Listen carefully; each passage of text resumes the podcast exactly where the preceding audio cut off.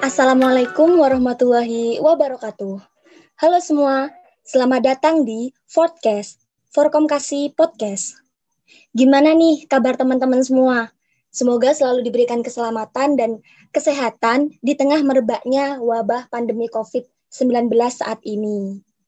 Nah, di episode podcast kali ini kita akan membahas tentang opini mahasiswa terkait dampak PPKM dengan saya Nadia sebagai host dan dua narasumber kita. Yang pertama yakni ada Kak Rosi Fitrianti sebagai Ketua Divisi Kominfo Forkom Kasih Regional Jawa Timur 2021 dan juga ada Kak Erik Habib sebagai Sekretaris Divisi KAPI Forkom Kasih Regional Jawa Timur 2021.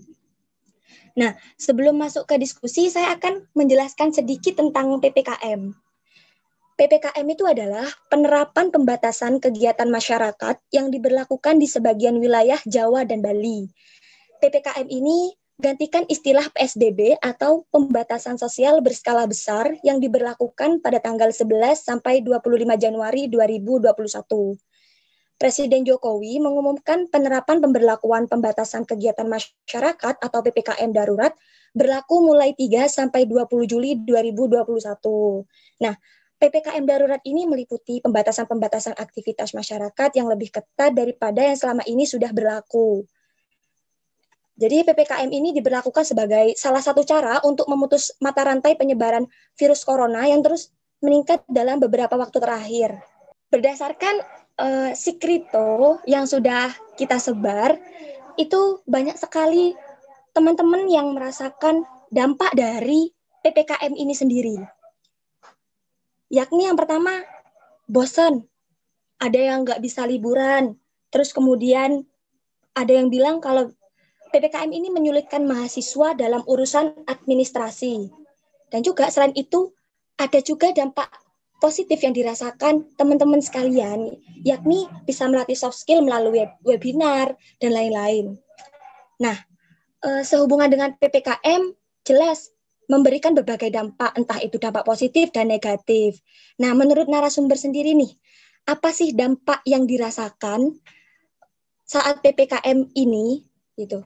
Yang pertama, eh, saya persilakan kepada Kak Rosi terlebih dahulu untuk menyampaikan opininya terkait dampak yang dirasakan saat PPKM ini. Halo Kak Rosi. Ya, halo. Bagaimana kabarnya, uh, Kak?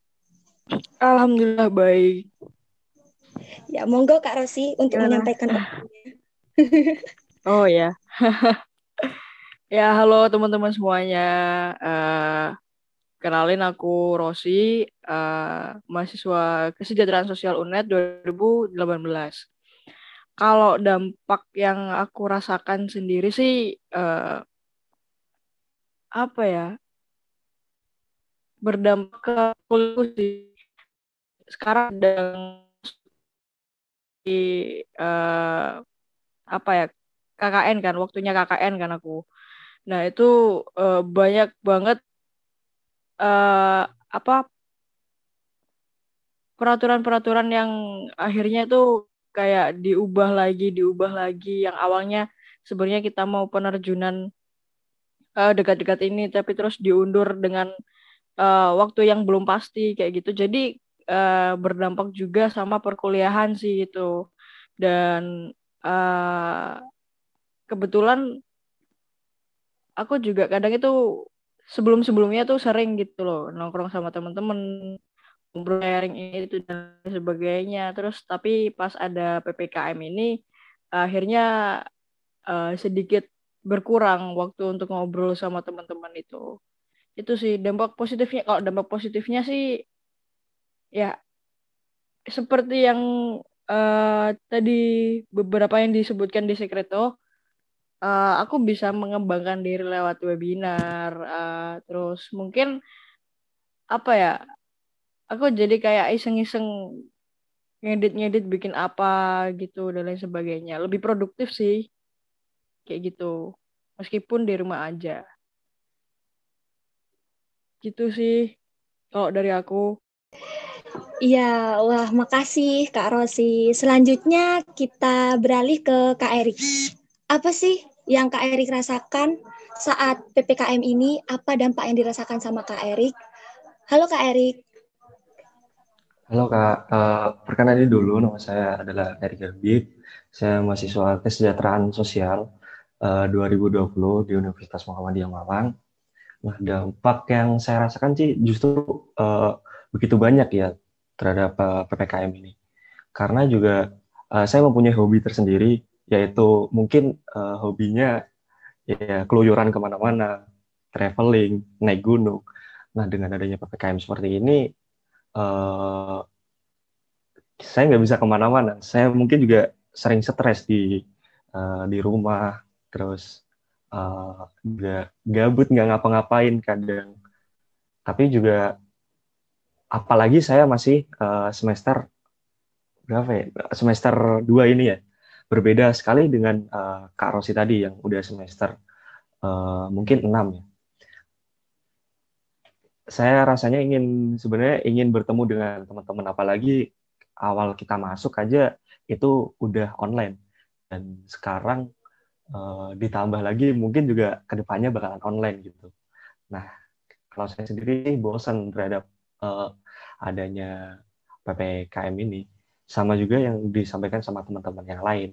Uh, teman-teman yang udah uh, nulis di skripto tadi gitu. Nah terus dampak positifnya itu banyak sekali ya uh, yang saya dapat gitu. Saya lebih bersyukur uh, bisa hidup sampai sekarang bisa bersyukur bisa sehat sampai sekarang. Dan tentu saja apa yang dilakukan pemerintah itu sebetulnya juga uh, berimbas positif bagi kita sendiri apalagi bagi masyarakat banyak. Tetapi uh, juga perlu dipikirkan sebuah peraturan-peraturan yang ada yang juga harus melibatkan terhadap uh, masyarakat juga seperti apa antar ke depan masyarakat. Terus berdampak nggak terhadap ekonomi? Kalau memang berdampak, apa yang harus pemerintah ini lakukan terhadap masalah-masalah ekonomi? Karena juga ini yang mungkin juga uh, teman-teman uh, masyarakat selalu kontra terhadap peraturan-peraturan ppkm ini gitu karena masalah-masalah ekonomi seperti itu sih kalau dari saya. Wah terima kasih Kak Erik. Nah selanjutnya uh, menurut narasumber nih Kak Rosi dan Kak Erik, apakah ppkm darurat ini efektif untuk mengurangi penyebaran COVID-19 saat ini? Monggo yang pertama uh, Kak Erik terlebih dahulu deh, gantian. uh, kalau saya sih bilang efektif ya, uh, efektif efektif aja. Uh, yang paling efektif adalah kita harus uh, sebenarnya harus mematuhi peraturan 3M. Jadi pemerintah itu harus bersosialisasi terkait uh, adanya bersosialisasi 3M ini ya, memakai masker, menjaga jarak, uh, dan mencuci tangan. Ini yang harus sebenarnya harus ditekankan kepada masyarakat karena kalau uh, dengan adanya PPKM, terus masyarakatnya ini masih sama dengan perilaku-perilaku sebelum adanya PPKM, yang ini juga mengakibatkan nilai angka kenaikan COVID ini semakin tinggi terus. Yang sebenarnya perlu disosialisasikan uh, keras itu adalah 3M 3M ini gitu. Bukan pembatasan-pembatasan. Ya benar, pemerintah melakukan pembatasan-pembatasan atau uh, penyekatan-penyekatan di setiap daerah yaitu daerah ada kurang lebih 44 kota dan kabupaten ya uh, di Jawa Bali yang berlaku uh, eh, PPKM ini. Nah, uh, yang itu juga uh, apa ya? termasuk zona-zona merah gitu. Ya baik pemerintah melakukan hal-hal seperti ini gitu. Nah, tapi juga yang paling utama yang harus disosialisasikan adalah uh, itu sendiri, uh, 3M itu sendiri sih.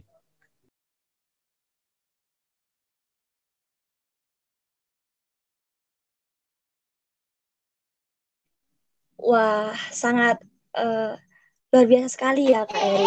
Nah, selanjutnya uh, ke Kak Rosi nih. Gimana menurut pendapat Kakak, menurut opini Kakak tentang PPKM darurat ini? Apakah efektif untuk mengurangi penyebaran COVID atau tidak? Monggo Kak Rosi. Uh, sebenarnya kalau dibilang efektif sih sama, mungkin sama kayak Erik efektif ya efektif efektif aja. Cuma lebih ke mungkin caranya sih yang uh, kalau menurut pandanganku uh, adanya ppkm darurat ini sebenarnya itu kasihan sama orang-orang yang uh, mereka mencari nafkah yang dapatnya itu seharian dan hasilnya itu untuk seharian juga gitu pedagang pedagang-pedagang kecil lah istilahnya. Aku ngeliat tuh sampai ada yang ada yang disiram lah ada yang digusur lah inilah itu. Menurutku uh, mungkin lebih ke caranya sih gitu. Tapi uh, gini kan kita juga dianjurkan untuk vaksin juga kan. Waktu itu pernah aku mau uh, mau vaksin nih mau mendaftarkan diri untuk dapat vaksin di suatu uh, rumah sakit. Saya sebelum di rumah sakit itu ada di mall. Kita muter-muter-muter nyari vaksin ternyata nggak uh, boleh. Waktunya masih dianjurkan untuk lansia dulu diutamakan lansia. Terus habis itu muter-muter lagi dapat di uh, mana? Rumah sakit di salah satu rumah sakit. Di situ malah penuh banget dan menurutku apa ya kayak kita kita nyari obat nih. Kita nyari obat tapi eh, orang-orangnya tidak mematuhi ya 3M itu tadi yang disebutkan sama Erik jadi kan sama aja. Kita bukannya dapat obat malah nyebar penyakit gitu. Karena berkerumun itu gitu. Dan uh, sebenarnya ketika adanya suatu kebijakan kayak gini tuh harus ada solusinya sih. Maksudnya uh, ketika kita dibatasi, maksudnya pedagang-pedagang kecil ini yang dibatasi, solusinya apa? Sedangkan mereka secara ekonomi tuh uh, kurang gitu loh. Adanya bantuan-bantuan juga mungkin nggak uh, bisa nggak eh, bukan nggak bisa sih apa nggak cukup gitu loh untuk biaya makan sehari-hari mereka kayak gitu.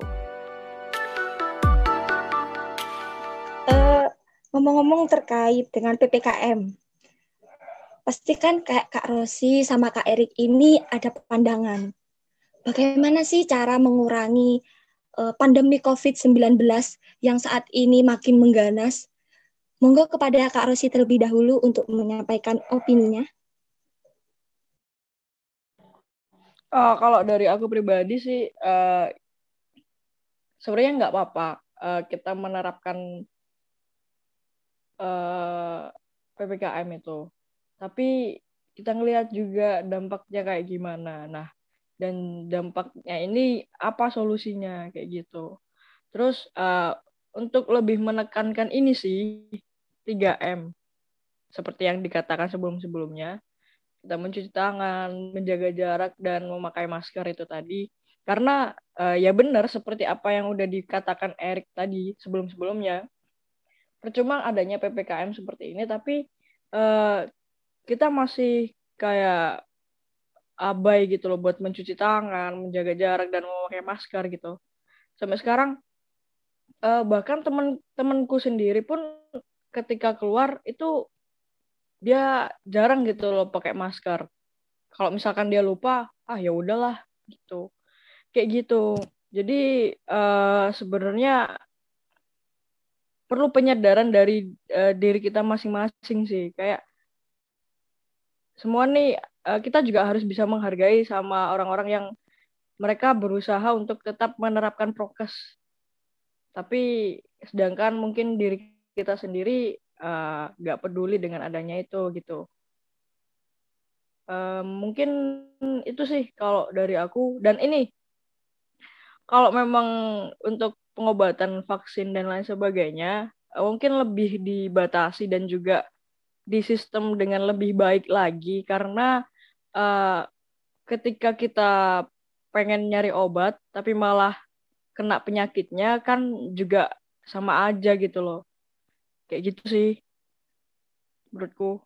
Dan ini untuk teman-teman yang masih abai sama prokes uh, tolong dengan sangat uh, diterapkan dalam diri kalian untuk saling jaga satu sama lain karena jujur uh, di teman-temanku ada beberapa yang udah kena dan COVID is is real. COVID itu benar-benar ada. Jadi uh, saling jaga satu sama lain. Itu itu aja sih mungkin dari aku. Wah, terima kasih Kak Rosi. Selanjutnya Kak Erik sendiri. Gimana sih Kak uh, upaya atau opini Kakak terkait pandemi COVID-19 ini untuk mengurangi, mengurangi pandemi COVID-19 ini? Monggo Kak Erik. Nah, tentu saja sih kembali kepada diri kita sendiri ya, atau memang orang-orang terdekat kita. Bagaimana cara kita untuk bersosialisasi kepada mereka agar mereka juga mentaati sebuah peraturan-peraturan. Jangan sampai kita juga abai terhadap uh, COVID ini. Nah, terkait hal vaksin yang udah uh, digelar sama pemerintah, nah ini juga harap disosialisasikan kembali karena juga pandangan stigma uh, stigma yang ada di masyarakat itu bahwa setelah vaksin dia nggak terhind uh, udah terhindar dari COVID. Padahal vaksin itu untuk memperbarui imunitas tubuh kita. Yang seharusnya setelah vaksin mereka harus istirahat di rumah dan uh, perbaikan imun ini kan juga membutuhkan waktu. Dari imun yang lama akan diperbaiki menjadi imun yang baru. Nah, hal-hal kayak gini kan uh, kalau memang mereka abai, imunitas ini nggak akan terbentuk. Jadi makin makin gampangnya uh, virus uh, COVID ini masuk apalagi sekarang ada varian terbaru yaitu varian uh, uh, Delta. Nah ini justru kurang lebih kalau yang saya tahu ya kurang lebih nih mungkin juga saya tahu bahwa uh, virus varian ini varian Delta ini kurang lebih uh, 80% lebih ganas daripada varian-varian sebelumnya. Nah ini perlu adanya kita uh, gimana ya sadar diri lah buat teman-teman juga yang mungkin mendengarkan saat kita podcast kayak gini, tolong juga uh, hargai para mereka tenaga medis, para relawan yang udah uh, mereka mempertaruhkan nyawa mereka, uh, bahkan mereka merelakan sebuah keluarga yang harus mereka urusin. Ternyata mereka harus ngurusin pasien-pasien uh, yang terdampak COVID seperti ini. Nah, perlu ditekan lagi terkait vaksin ini harus juga uh, perlu adanya sosialisasi yang uh, tinggi sih, perlu sosialisasi yang begitu uh, teriakan lantang karena uh, percuma kalau kita udah vaksin walaupun kita udah punya kartu tapi kita setelah itu nggak mematuhi setelah vaksin harus ngapain setelah uh, setelah vaksin pertama harus ada vaksin kedua. Nah kalau memang itu nggak dijalankan ya juga sama aja kita juga uh, akan tertular uh, tertular uh, virus ini. Karena uh, di akhir-akhir ini kan setelah divaksin malah justru grafik uh, angka COVID ini semakin meningkat. Nah ini bisa kita simpulkan bahwa mungkin dengan adanya vaksin uh, masyarakat ini terlalu mengabaikan wah wah saya udah vaksin nih berarti saya terhindar dari sebuah penyakit. Nah ini perlu ditekankan lagi dan buat teman-teman yang udah mendengarkan podcast kita, juga tolong hargai uh, kebijakan pemerintah, tolong hargai tenaga-tenaga medis yang sudah berjuang mati-matian, apalagi mereka memakai pakaian asmat seperti itu, itu juga uh, susah sih. Yang juga dulu pernah saya rasakan, sewaktu saya juga ikut satgas COVID tahun lalu sih. Saya soalnya juga uh, ikut satgas waktu tahun lalu itu awal-awal dulu itu saya jamin deh nggak nggak betah banget nggak enak banget ya kalau memang harus pakai pakaian asmat harus uh, intinya pokok uh, eh, APD lengkap lah. Memakai masker harus dua lapis gitu. Nggak enak serius. Nggak enak banget. Apalagi orang yang memang terdampak uh, udah terdampak COVID ini. Itu uh, mungkin pengalaman dari keluarga saya barusan minggu lalu. Itu satu keluarga saya full uh, mungkin bisa dibilang reaktif lah uh, COVID ini. Bahwa COVID ini nggak hanya menyerang uh, ke uh, mungkin orang yang kita nggak kenal bahkan orang yang kita kenal aja yang seperti katakan Karosi tadi bahwa orang samping uh, temannya aja bisa terdampak dan keluarga saya ngalamin hal itu gitu.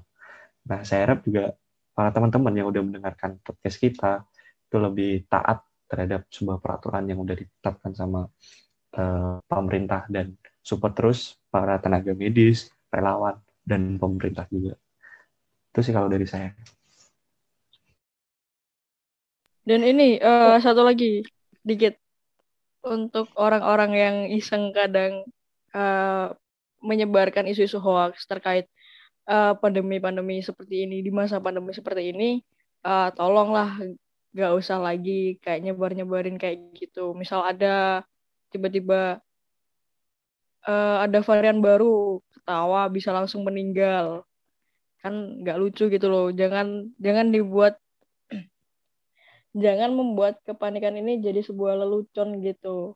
Nggak apa ya kasihan juga gitu. Yang misal mereka benar-benar berduka karena adanya pandemi ini malah dibuat lelucon gitu. Itu sih ke tambahan dari aku. Ya, Kak Rosi dan Kak Erik sedikit menambahi bahwa memang masyarakat ini melihat COVID ini hanya sebagai konspirasi. Ada juga yang bilang kalau misalkan COVID ini hanya sebatas kebutuhan politik. Ada juga yang kalau misalkan divaksin itu uh, bisa meninggal, bisa sakit. Padahal vaksin itu justru untuk meningkatkan imun tubuh kita masing-masing. Nah, seperti itu. Memang banyak sekali masyarakat yang belum percaya karena lebih mempercayai berita yang ada di Facebook daripada uh, berita yang sudah benar-benar nyata, sudah benar-benar terbukti keakuratannya seperti itu. Nah, jadi uh, dapat saya simpulkan terkait dengan podcast kita kali ini, yakni dampak yang dirasakan pada saat ppkm ada yang uh, merasakan bahwa banyak peraturan saat di dunia perkuliahan itu diubah. Dan kemudian uh, berkurangnya waktu untuk ngobrol maupun berkumpul bersama teman-teman kita. Dan juga eh, ada juga yang merasakan dampak positif. Misalkan ya lebih produktif dengan cara mengisi kegiatan dengan ngedit-ngedit maupun buat pamflet seperti itu ya. Dan juga eh, ada juga yang bersyukur bisa hidup sampai sekarang seperti yang dikatakan Kak Eri tadi. Nah, eh, terkait dengan keefektifan PPKM bahwa jika dikatakan efektif, maka PPKM ini efektif-efektif saja. Namun dampaknya juga ke masyarakat kecil yang lebih apa ya, yang dampaknya juga ke masyarakat kecil yang memiliki pekerjaan di luar seperti pedagang seperti itu. Ada yang sampai di uh, tendang karena nggak segera nutup gitu ya.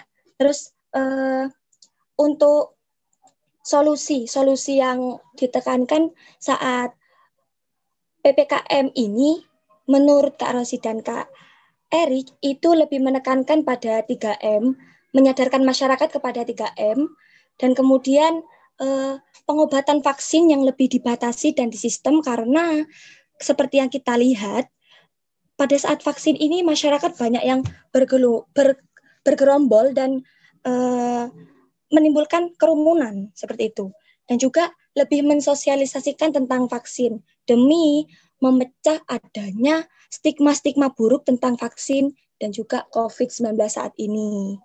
Nah, uh, sekian podcast dari kami. Saya Nadia menyampaikan terima kasih kepada narasumber dan audiens dan jangan lupa untuk dengerin podcast dari Forkom Kasih Regional Jatim lainnya dan juga eh, kepada para audiens dan seluruh pengurus Forkom Kasih Regional Jawa Timur jangan lupa untuk menjaga kesehatan dan mematuhi protokol kesehatan guna mengurangi penyebaran virus COVID-19 saat ini.